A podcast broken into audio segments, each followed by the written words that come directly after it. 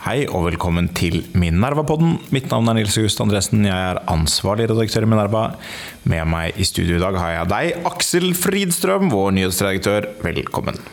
Jo, takk for det. Du, vi, eh, det er rett og slett strømkrise. Det er vanskelig å komme utenom det når man skal lage podkast i dag. Det finnes sikkert noe annet man kunne, liksom, kunne snakket om, men Det er ikke det folk er opptatt av. Nei, så kreative er ikke vi. Det vil si, vi, vi skal snakke om noe annet etterpå. Da skal vi snakke om valg i Sverige. For der skjer det andre ting enn bare strømpris. Men vi skal snakke om kraftselskaper og derivathandler. For det har du skrevet om. Det har blitt en del åtgaum rundt en artikkel du skrev forrige uke. NRK plukket opp saken, Klassekampen har skrevet om det i dag. Men du har, har jobbet videre med det. hva, hva er denne derivathandelen? Hva er det som skjer, og hva er eventuelt problemet med det?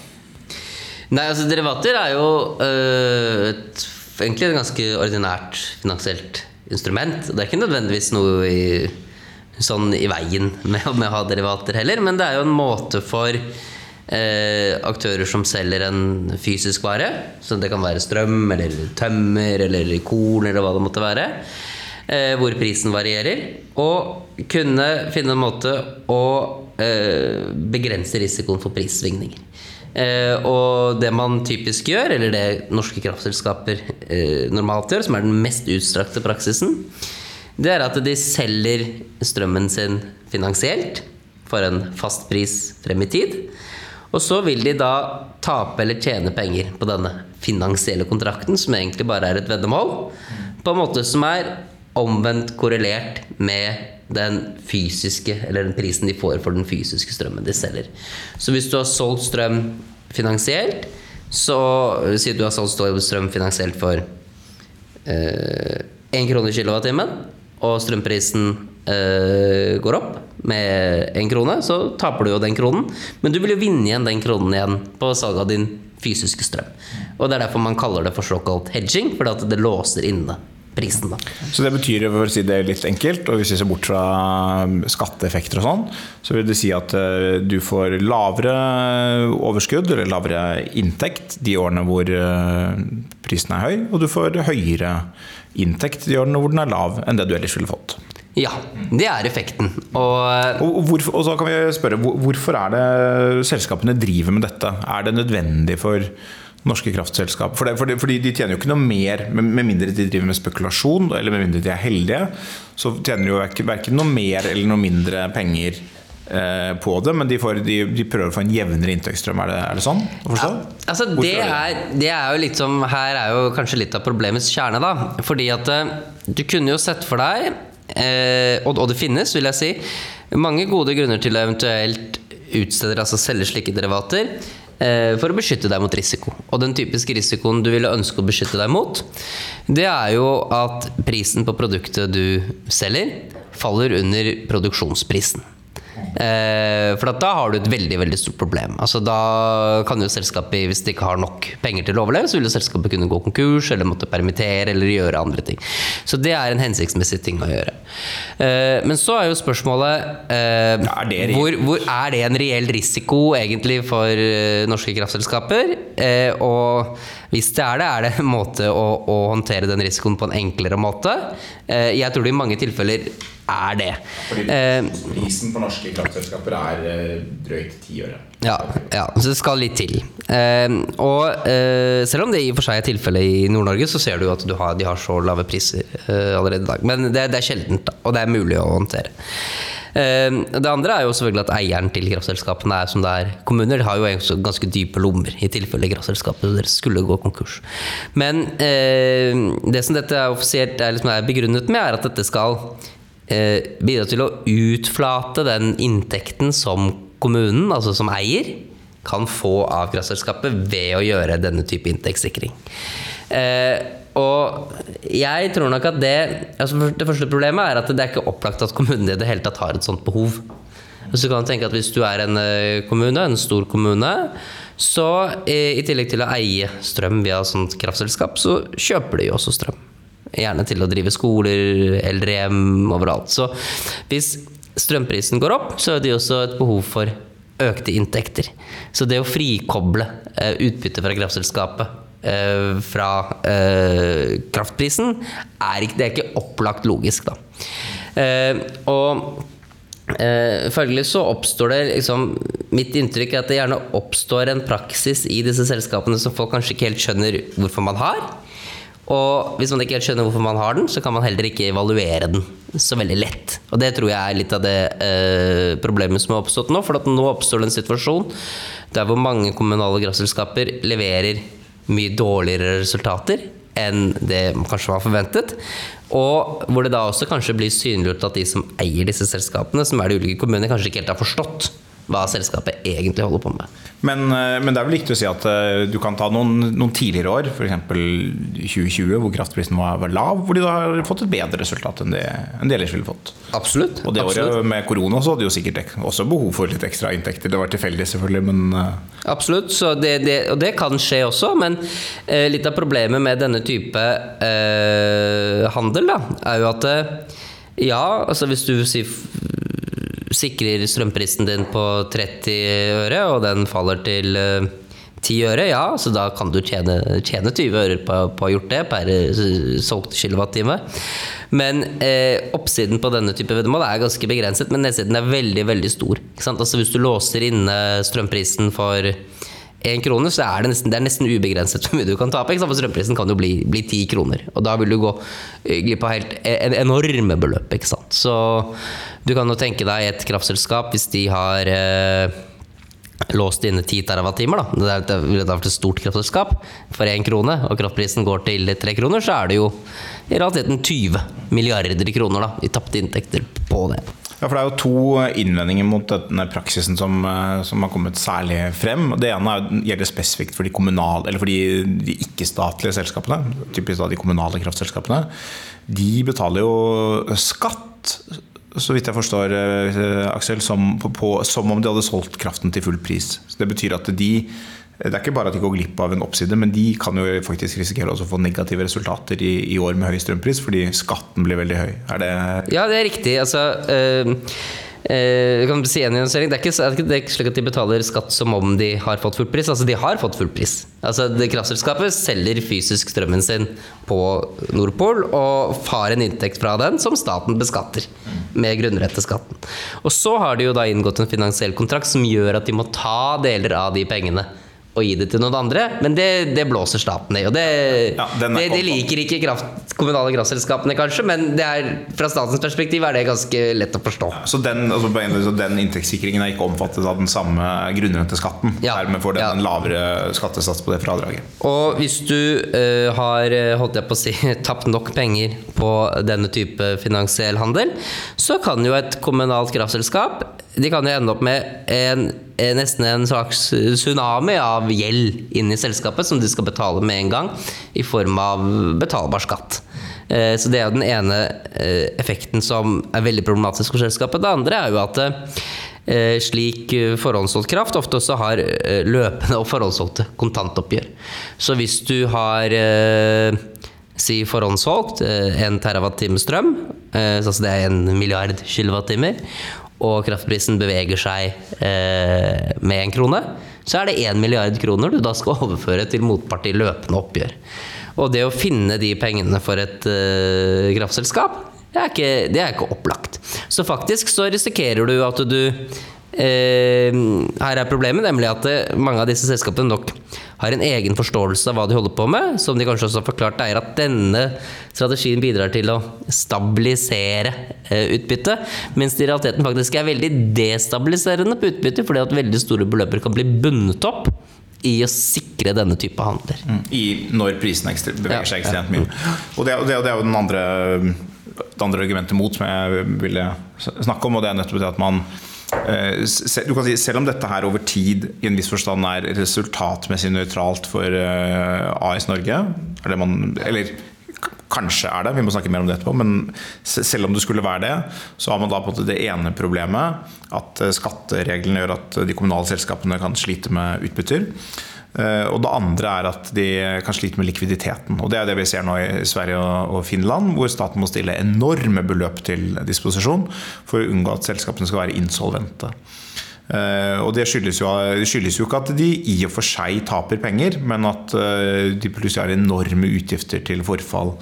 Eller må stille enorme beløp på svært kort sikt. Og så kommer inntektene, men de kommer på et senere tidspunkt. Kommer senere, og Dette er egentlig vanlige, en veldig vanlig årsak til at selskapet går konkurs. er nettopp at de ikke kan betale. De kan ha en prognose som sier at de tjener masse penger i løpet av 50 timer, men akkurat i dag så kan de ikke betale regningene sine. Og dette, er den type, dette introduserer nøyaktig den type risiko i systemet.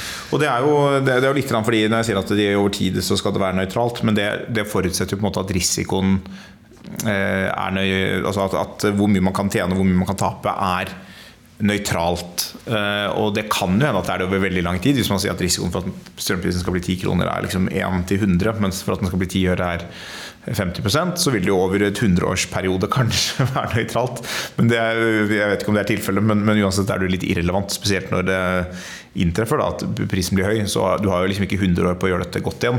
Dette her må være nøytralt over mye kortere tidsrom hvis det skal være meningsfullt for eh, et selskap å drive med det. Ja, og så er det potensielt også nå at stat og kommune kanskje trenger disse pengene. Altså, nå sier man jo at eh, man skal ha, altså staten har jo allerede en strømstøtteordning pengene til å betale for den strømstøtteordningen bør jo, bør jo fortrinnsvis komme fra kraftselskapene.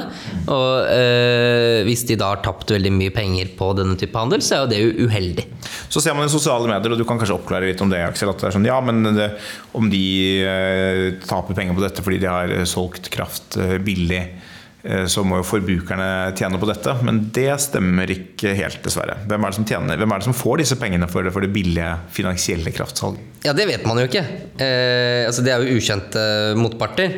Eh, men du kan jo si at det, det som mange misforstår, er at man, man tror at når man eh, selger strømmen sin på denne type kontrakter, så blir den liksom solgt til den som er motpart. Og det er ikke tilfellet. Altså, dette er et rent kontantoppgjør eh, mot en anonym motpart. Så, en finansiell transaksjon. En finansiell transaksjon. Og eh, du kan jo si at selv om du skulle funnet ut av hvem det var, da, så at jeg har funnet at motparten i min transaksjon er, er Deutsche Bank, så kan jeg ikke komme løpende der med en kabel og si liksom Her er strømmen. Altså, dette er noe som, som skjer, skjer, i kontanter. Eh, og det kan jo være selvfølgelig at motpart er en eh, Det kan jo være en eh, norsk kraftspekulant f.eks. som kan være motpart og har tjent masse penger. Det kan være norsk industribedrift.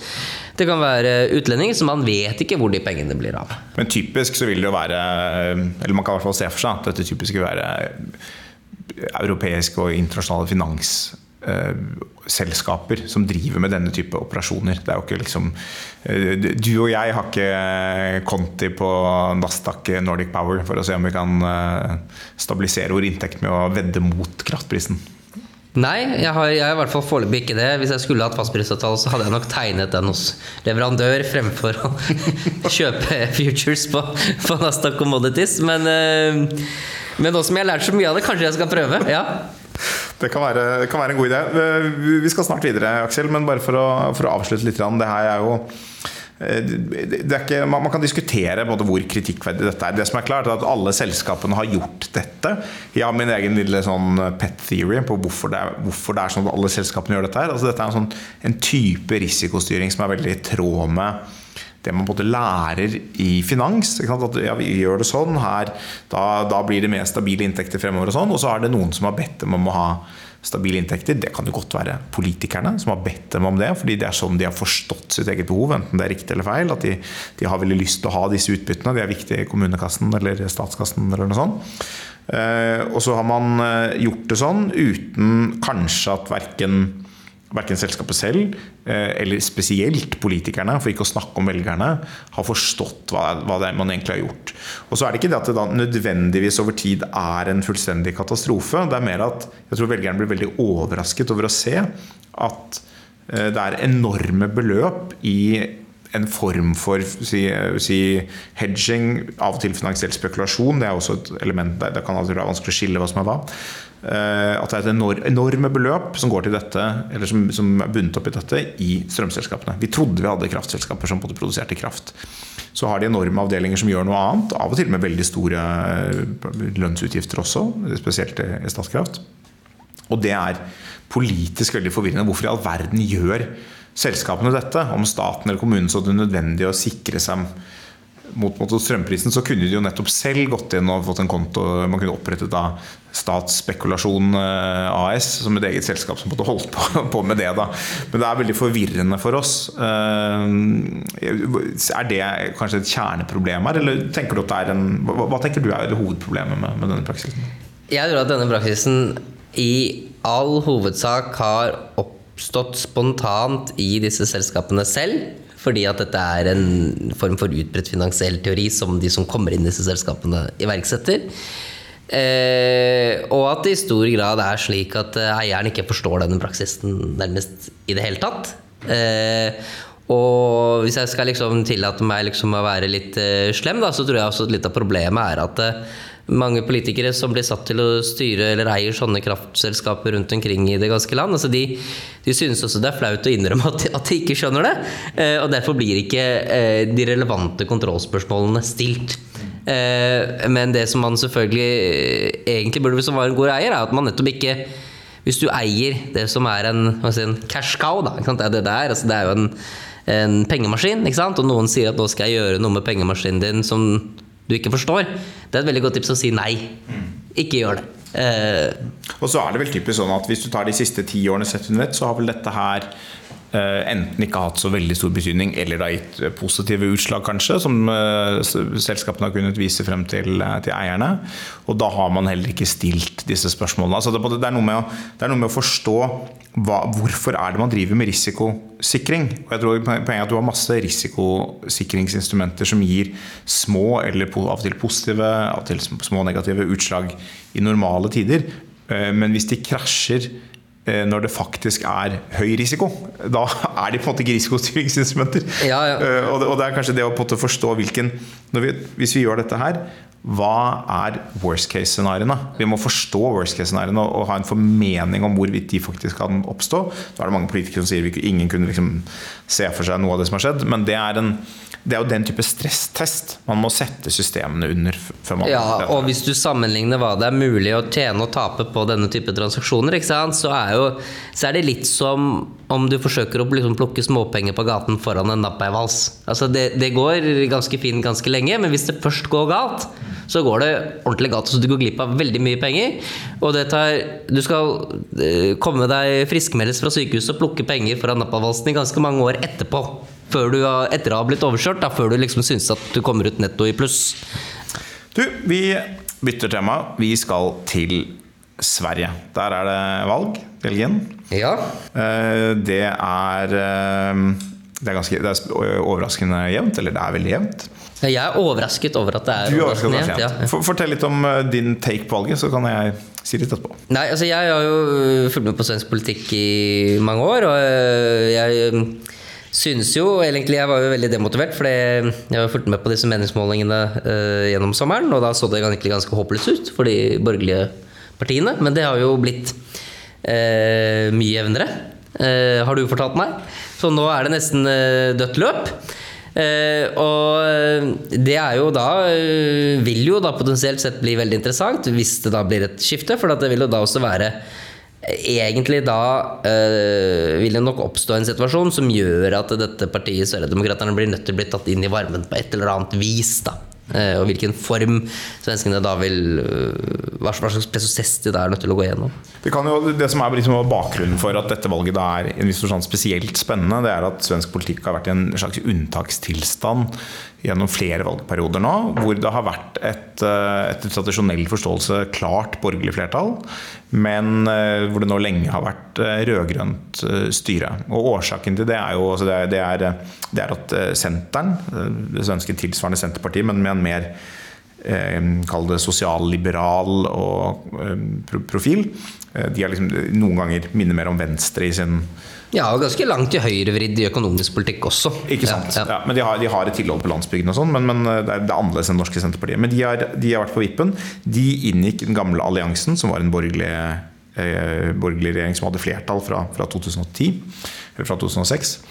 Uh, og så igjen i 2010. Uh, men de er knallharde på at de ikke skal ha noen ting å gjøre med Sverigedemokraterna. Og, uh, altså, det er vanskelig å skjønne akkurat hvor knallharde de er i et norsk kontekst, men det betyr at de vil ikke sitte i en regjering som kan risikere å få støtte av Sverigedemokraterna til å vedta sine egne budsjetter. Eh, selv ikke om Sverigedemokraterna måtte bare stemmer for uten å få inn en eneste liksom, egen sak, så er det, de kan ikke få støtte, for det er en legitimering av, av Sverigedemokraterna, som da eh, senteren forbinder med nynazisme og fascisme og Europas undergang osv. Så, så for å unngå det, så har senteren da vendt seg mot, eh, eller sluppet frem en regjering med Sosialdemokraterne Eh, men, men, det budsjettet som Sosialdemokraterne styrer på, er i bunn og grunn et borgerlig budsjett. Så det skaper jo en ganske spesiell situasjon der du har en sosialdemokratisk statsminister som styrer på et egentlig moderaterne orientert budsjett, garantert av senteren, uten at noen av de tre egentlig tar ansvaret for Resultatet. Resultatet. Ja. Og alt dette gjør man jo da for å holde Sverigedemokraterna utenfor. Først var alle partiene bortsett fra Sverigedemokraterna enige om det gjennom den såkalte desemberoverenskomsten, som eh, innebar at man, en, man, ble enige om å operere som om Sverigedemokraterna ikke fantes. Dvs. Si ingen partier vil akseptere å få støtte fra dem for å vinne en avstemning. Eh, men det gikk etter hvert Moderaterne, Kristdemokraterne og Liberalerne bort fra. Det er bare Senteren som står igjen på det standpunktet kort introduksjon, eller lang introduksjon, kanskje noen syns, for å si hva som er interessant med dette valget. Og det er at det for første gang da kan bli et flertall for borgerlig side uten senteren. Det er det som er nytt med dette valget, og som gjør det, gjør det veldig spennende. Jeg var på Dagsnytt 18 eh, på fredag og snakket om dette. Og, eh, og snakket med Maria Khan i Adresseavisen, som er opprinnelig svensk eh, om dette. Hun var jo da veldig kritisk til å ta inn Sverigedemokraterna. Og jeg synes det var veldig interessant, fordi det er nok det er sånn eh, to forskjellige virkelighetsoppfatninger. Fra mitt perspektiv er det helt åpenbart at det er fornuftig for svensk politikk å behandle Sverigedemokraterna som et alminnelig parti.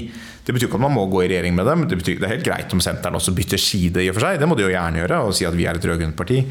Eh, men, eh, men, det som er eh, problematisk, er når man liksom opphever alle parlamentariske spilleregler mm, utelukkende med formål om å holde dette partiet unna makt. Det man egentlig gjør, er at man sier det skal ikke få noen innflytelse, så vi endrer hele systemet for å sikre det.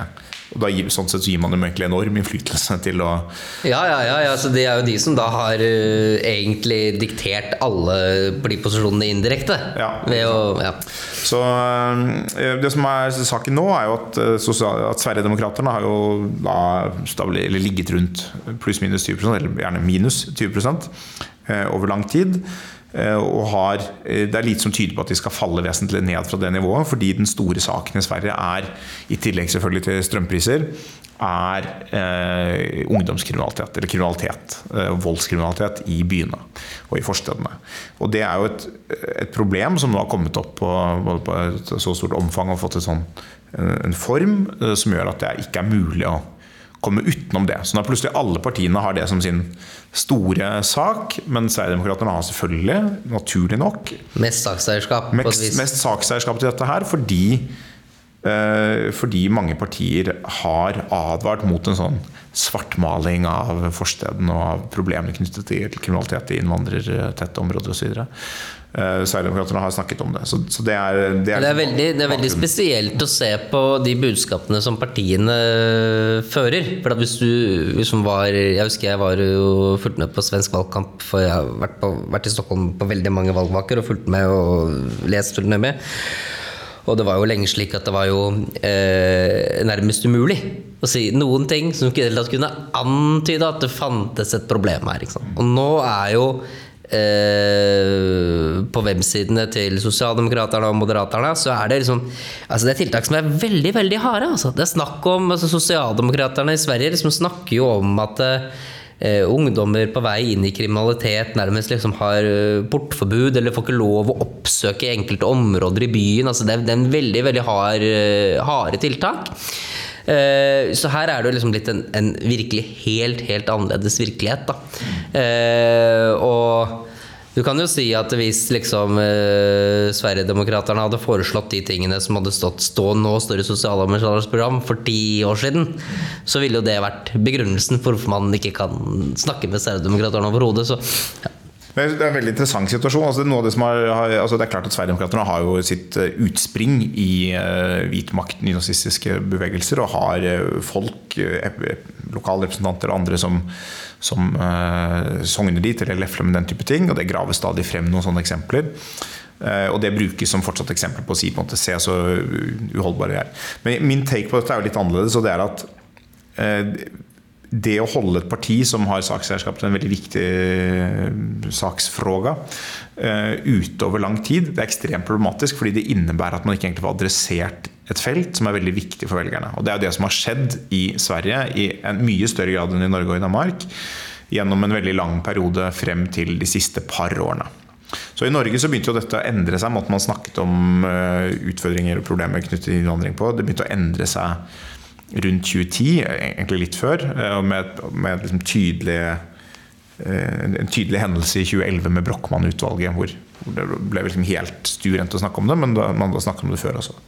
Og det skjedde jo bl.a. fordi man, eh, man, så at man måtte snakke om de tingene Fremskrittspartiet var opptatt av. Og for å gjøre det så måtte man også i en viss forstand snakke med Fremskrittspartiet. Det er vanskelig å si dette, Når dette partiet sier det, så er det uh, nazisme. Men når vi sier det, så er det greit. Man var nødt til å finne måter å snakke om temaet på, og med de andre som snakket om temaet. Man var nødt til å finne måter å gjøre det på.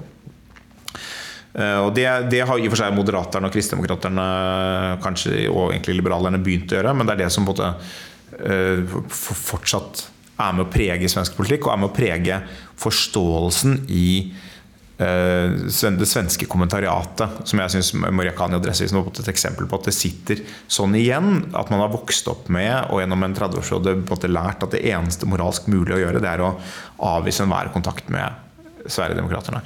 Jeg, jeg kjenner jo igjen dette fra Norge eh, og fra min opplevelse gjennom 90-tallet. Eh, hvor jeg ble politisk moden eh, av at Fremskrittspartiet hadde jo den episoden med Hvit valgallianse. De hadde uttalelser som var så Innvandrere spyr ut unger som mynteautomater, sa en fremstående Fremskrittspartirepresentant i Oslo bystyre. Jeg glemte litt hvem det var. men Eh, det var den type ting som gjorde sånn Alle moralske mennesker må bare Den eneste mulige holdningen er å ta avstand fra det. Og det man gir fra seg når man bare tar avstand, det er at man gir fra seg muligheten til å få problemet inn i håndterbare former. Man gir fra seg muligheten til å ansvarliggjøre partiene. Eh, man gir fra seg muligheten til å kjempe om sakseierskap.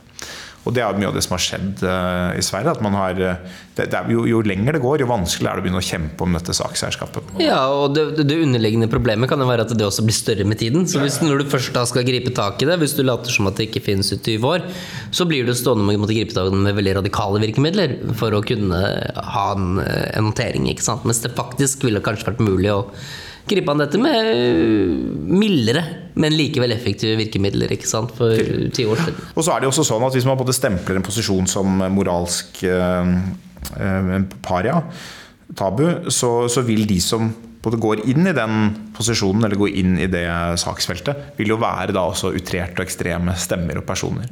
Sånn at du får da, så De som gikk til Sverigedemokraterna likevel, var jo da på en måte typisk mer eh, ekstreme.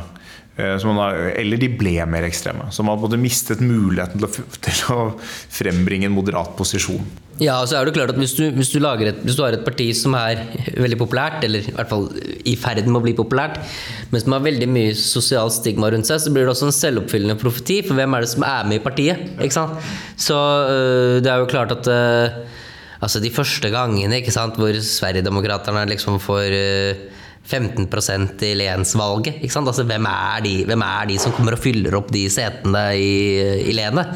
Altså, det er ikke sikkert at det heller liksom er, er, de skarpeste knivene i skuffen. Og det, det, kan være ganske mange reservasjoner mot å ha noe med, med dem å gjøre, men, men dette blir en selvforsterkende dynamikk. Ikke sant? Ja.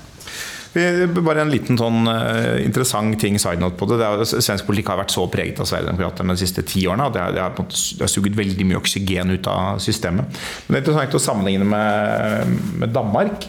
Som eh, også skal ha valg uh, ganske snart. Vi vet ikke når. Det blir sannsynligvis i løpet av høsten, senhøsten hvor dette har endret seg hvor, hvor vi ikke har den dynamikken i det hele tatt. Hvor det er lenge siden Dansk Folkeparti eh, var støtteparti for regjeringer. Eh, og det er lenge siden politiske partier på tvers av det politiske spekteret tok opp Dansk Folkepartis saker og, og laget sin egen policy på, på, feltet. Og det er spesielt tydelig med Sosialdemokraternes vending de siste årene, men, men, både på borgerlig side og på rød side har det vært en langvarig trend.